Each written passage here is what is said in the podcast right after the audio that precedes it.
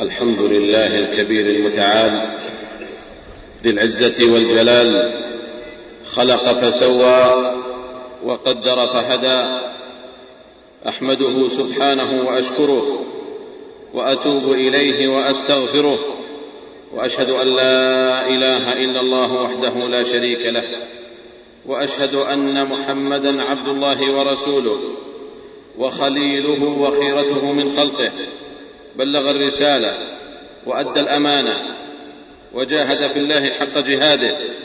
أفضل من صلى وصام وحج لله وقام فصلوات الله وسلامه عليه وعلى آله الطيبين الطاهرين وعلى أصحابه الغر الميامين وعلى التابعين وتابع التابعين ومن تبعهم بإحسان إلى يوم الدين. أما بعد فأوصيكم أيها الناس ونفسي بتقوى الله سبحانه وخشيته في الغيب والشهادة والاستقامة على دينه في الغضب والرضا والمنشط والمكره. إن الذين قالوا ربنا الله ثم استقاموا فلا خوف عليهم ولا هم يحزنون. أيها المسلمون حجاج بيت الله الحرام ها أنتم أولاء تجتمعون في هذا المكان المبارك وافدين إلى بلد الله الحرام محرمين ملبين قاصدين ربا واحدا ولابسين لباسا واحدا وحاملين شعارا واحدا لبيك اللهم لبيك لبيك لا شريك لك لبيك إن الحمد والنعمة لك والملك لا شريك لك. إنكم أيها الحجاج باجتماعكم هذا. تعقدون مؤتمرا تعقدون مؤتمرا فريدا. مؤتمرا ملؤه السمع والطاعة والرغبة والاستجابة لنداء الباري جل شأنه.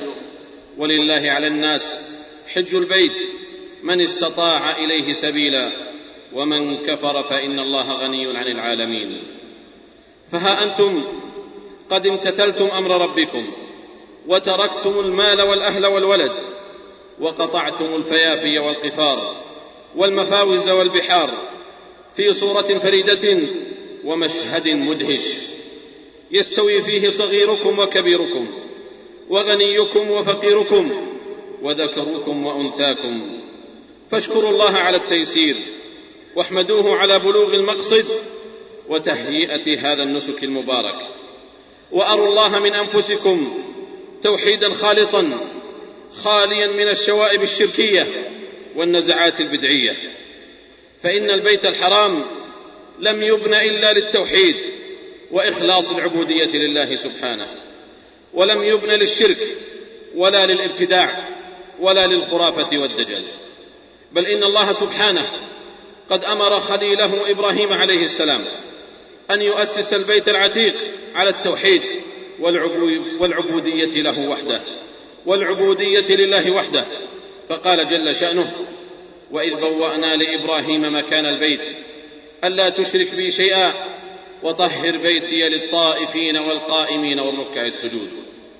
ولذا كان الفهم الصحيح للسلف الصالح من الصحابة والتابعين وتابعيهم أن عرصات المناسك إنما هي محال للتضرع إلى الله وإخلاص النسك له وفق هدي النبي صلى الله عليه وسلم. فلم يكن لديهم لوثة التعلق بالحجارة أو التبرك بها أو قصد المزارات أو المشاهد أو القبور والدعاء عندها لأنهم يعلمون علم اليقين أن النافع الضار هو الله سبحانه. وإن يمسسك الله بضر فلا كاشف له إلا هو وإن يمسسك بخير فهو على كل شيء قدير. ولذا كان السلف رحمهم الله لا يتبركون بأحجار الكعبة ولا بغيرها لأن النبي صلى الله عليه وسلم لم يفعل ذلك ولم يفعله أصحابه رضوان الله عليهم. وإنما استلم الحجر الأسود وقبله ومسح بيده على الركن اليماني ولم يستلم بقية الأرك ولم يستلم ولم يستلم بقية أركان الكعبة. وقد أكد الخليفة الراشد عمر بن الخطاب رضي الله تعالى عنه ذلك بقوله وهو واقف أمام الحجر الأسود إني أعلم أنك حجر لا تضر ولا تنفع فلولا أني رأيت رسول الله يقبلك ما قبلتك. حجاج بيت الله الحرام. إن هذا الاجتماع المبارك إبان هذا النسك العظيم. ليعد فرصة سانحة لاستشعار هذا التوافق الفريد واستلهام الحكم العظيمة التي شرع الحج لأجلها.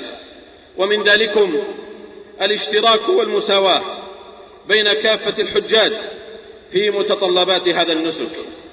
فليس للغني فليس للغنى ولا للنسب ولا للرياسة فضل أو استثناء. فالوقوف بعرفة واحد والمبيت بالمزدلفة واحد والجمرة ترمى بسبع حصيات لكل واحد والطواف واحد والسعي واحد. فليس للغني أو الشريف أو الوزير أن ينقص جمرة أو يسقط وقوفا أو مبيتا. الناس سواسية لا فرق بين عربي ولا عجمي ولا أبيض ولا أسود في هذا النسك إلا بالتقوى. فما أحرى حجاج بيت الله الحرام وما أحرى المسلمين بعامة أن يأخذوا هذه العبرة من هذا المشهد العظيم. فإن مثل ذلكم الاستشعار من أعظم الدواعي إلى التآلف والتكاتف والرحمة والشفقة والتواضع والتعاون لا شعارات وطنية ولا هتافات عصبية ولا رايات عبية إنما هي راية واحدة هي راية لا إله إلا الله محمد رسول الله. إن الأمة بحاجة ماسة إلى استجلاب كل معاني الوحدة والتعاون والتناصر على البر والتقوى لا على الإثم والعدوان. فلا يعتدي أحد على أحد ولا يبغي أحد على أحد بل يعيش المسلمون في سلام حقيقي وتعاون قلبي. لا يمكن أن يكون له ظل في الواقع إلا من خلال الالتزام بشريعة الإسلام الخالدة التي أعز الله الأمة بها. فما أحوج الأمة الإسلامية؟ وهي تكتوي بلهيب الصراعات الدموية والخلافات المنهجية إلى الاقتباس من أسرار الحج لتتخلص نفوس أبنائها من الأنانية والغل والحسد وترتقي بهم إلى أفق الإسلام الواسع المبني على منهاج النبوة والدافع لكل نزاع أو شقاق أو اختلاف. كيف لا؟ والله جل وعلا يقول وما اختلفتم فيه من شيء فحكمه إلى الله. ويقول سبحانه وإن تنازعتم في شيء فردوه إلى الله والرسول إن كنتم تؤمنون بالله واليوم الآخر ذلك خير وأحسن تأويلا. اذا لا مجال للتفاخر ولا للاختلاف ولا للتخاذل. وليس اختلاف الألسنة وليس اختلاف الألسنة والألوان والطباع والبلدان محلا للشقاق والفرقة لأن الميزان عند الله واحد. إن أكرمكم عند الله أتقاكم. يا أيها الذين آمنوا ادخلوا في السلم كافة ولا تتبعوا خطوات الشيطان. إنه لكم عدو مبين.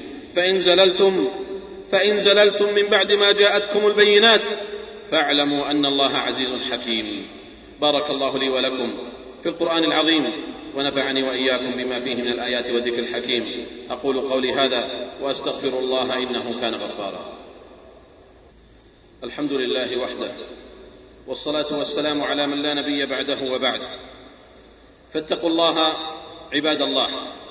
واعلموا حجاج بيت الله أنه يشرع للحاج في اليوم الثامن من ذي الحجة أن يحرم بالحج إن كان متمتعا وإن كان مفردا أو قارنا فهو لا زال في إحرامه فهو لا يزال في إحرامه ويستحب للحاج في اليوم الثامن أيضا أن يتوجه إلى منى قبل الزوال فيصلي بها الظهر والعصر والمغرب والعشاء والفجر قصرا من دون جمع ما عدا الفجر والمغرب. فإذا صلى فإذا صلى فجر اليوم التاسع وطلعت الشمس توجه إلى عرفة وهو يلبي أو يكبر. فإذا زالت الشمس صلى بها الظهر والعصر جمعا وقصرا بأذان وإقامتين. ثم يقف بها وعرفة كلها موقف إلا بطن عرنة فيكثر فيها من التهليل والتسبيح. والدعاء والاستغفار ويتأكد الإكثار من التهليل لأنه كلمة التوحيد الخالصة. فقد قال صلى الله عليه وسلم خير الدعاء دعاء يوم عرفة وخير ما قلت أنا والنبيون من قبلي لا إله إلا الله وحده لا شريك له له الملك وله الحمد وهو على كل شيء قدير. فإذا غربت الشمس أفاض الحاج من عرفة إلى المزدلفة بسكينة ووقار فلا يزاحم ولا يؤذي ثم يصلي المغرب والعشاء جمعا وقصرا بأذان وإقامتين ثم يبقى بها حتى طلوع الفجر إلا الضعن والضعفة. فلهم أن ينصرفوا منها بعد منتصف الليل. فإذا صلى الحاج الفجر بالمزدلفة وقف عند المشعر الحرام والمزدلفة كلها موقف فيدعو الله طويلا حتى يسفر ثم يسير إلى منى فيرمي جمرة العقبة وهي أقرب الجمرات إلى مكة. يرميها بسبع حصيات صغيرات يكبر مع كل حصاة ثم ينحر هديه إن كان متمتعا أو قارنا.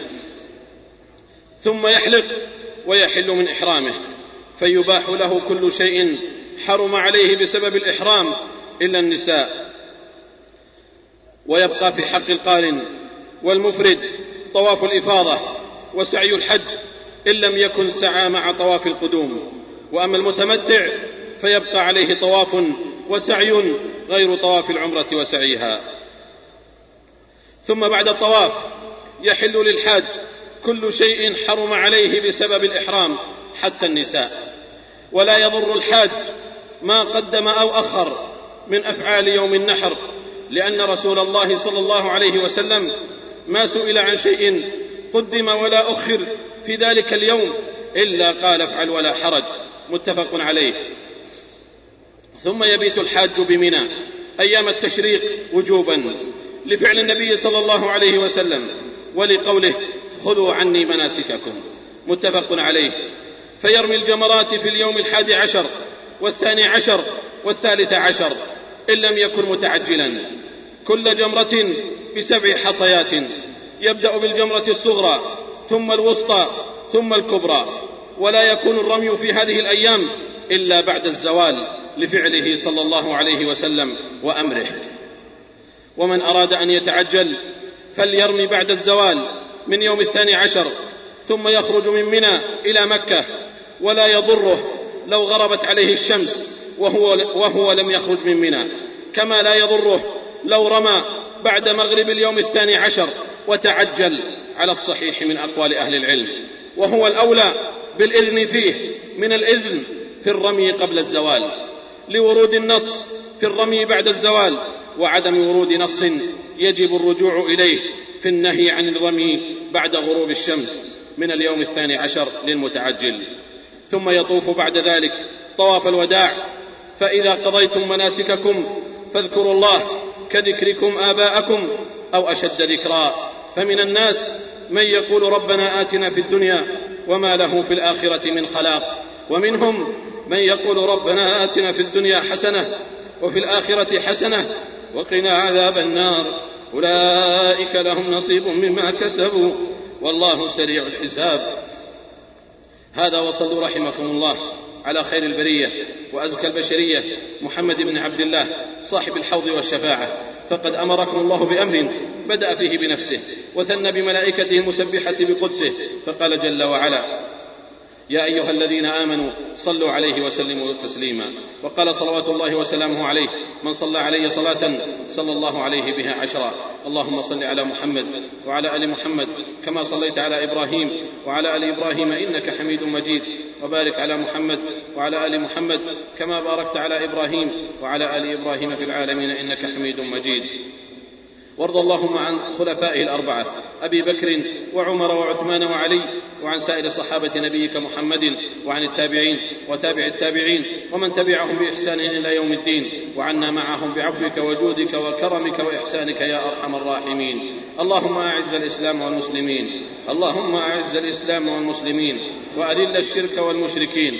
اللهم انصر دينك وكتابك وسنة نبيك وعبادك المؤمنين. اللهم فرج هم المهمومين من المسلمين ونفس كرب المكروبين واقض الدين عن المدينين واشف مرضانا ومرضى المسلمين وسلم الحجاج والمسافرين برحمتك يا أرحم الراحمين.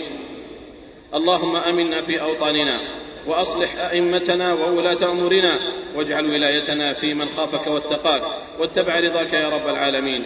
اللهم وفق ولي أمرنا لما تحبه وترضاه من الأقوال والأعمال.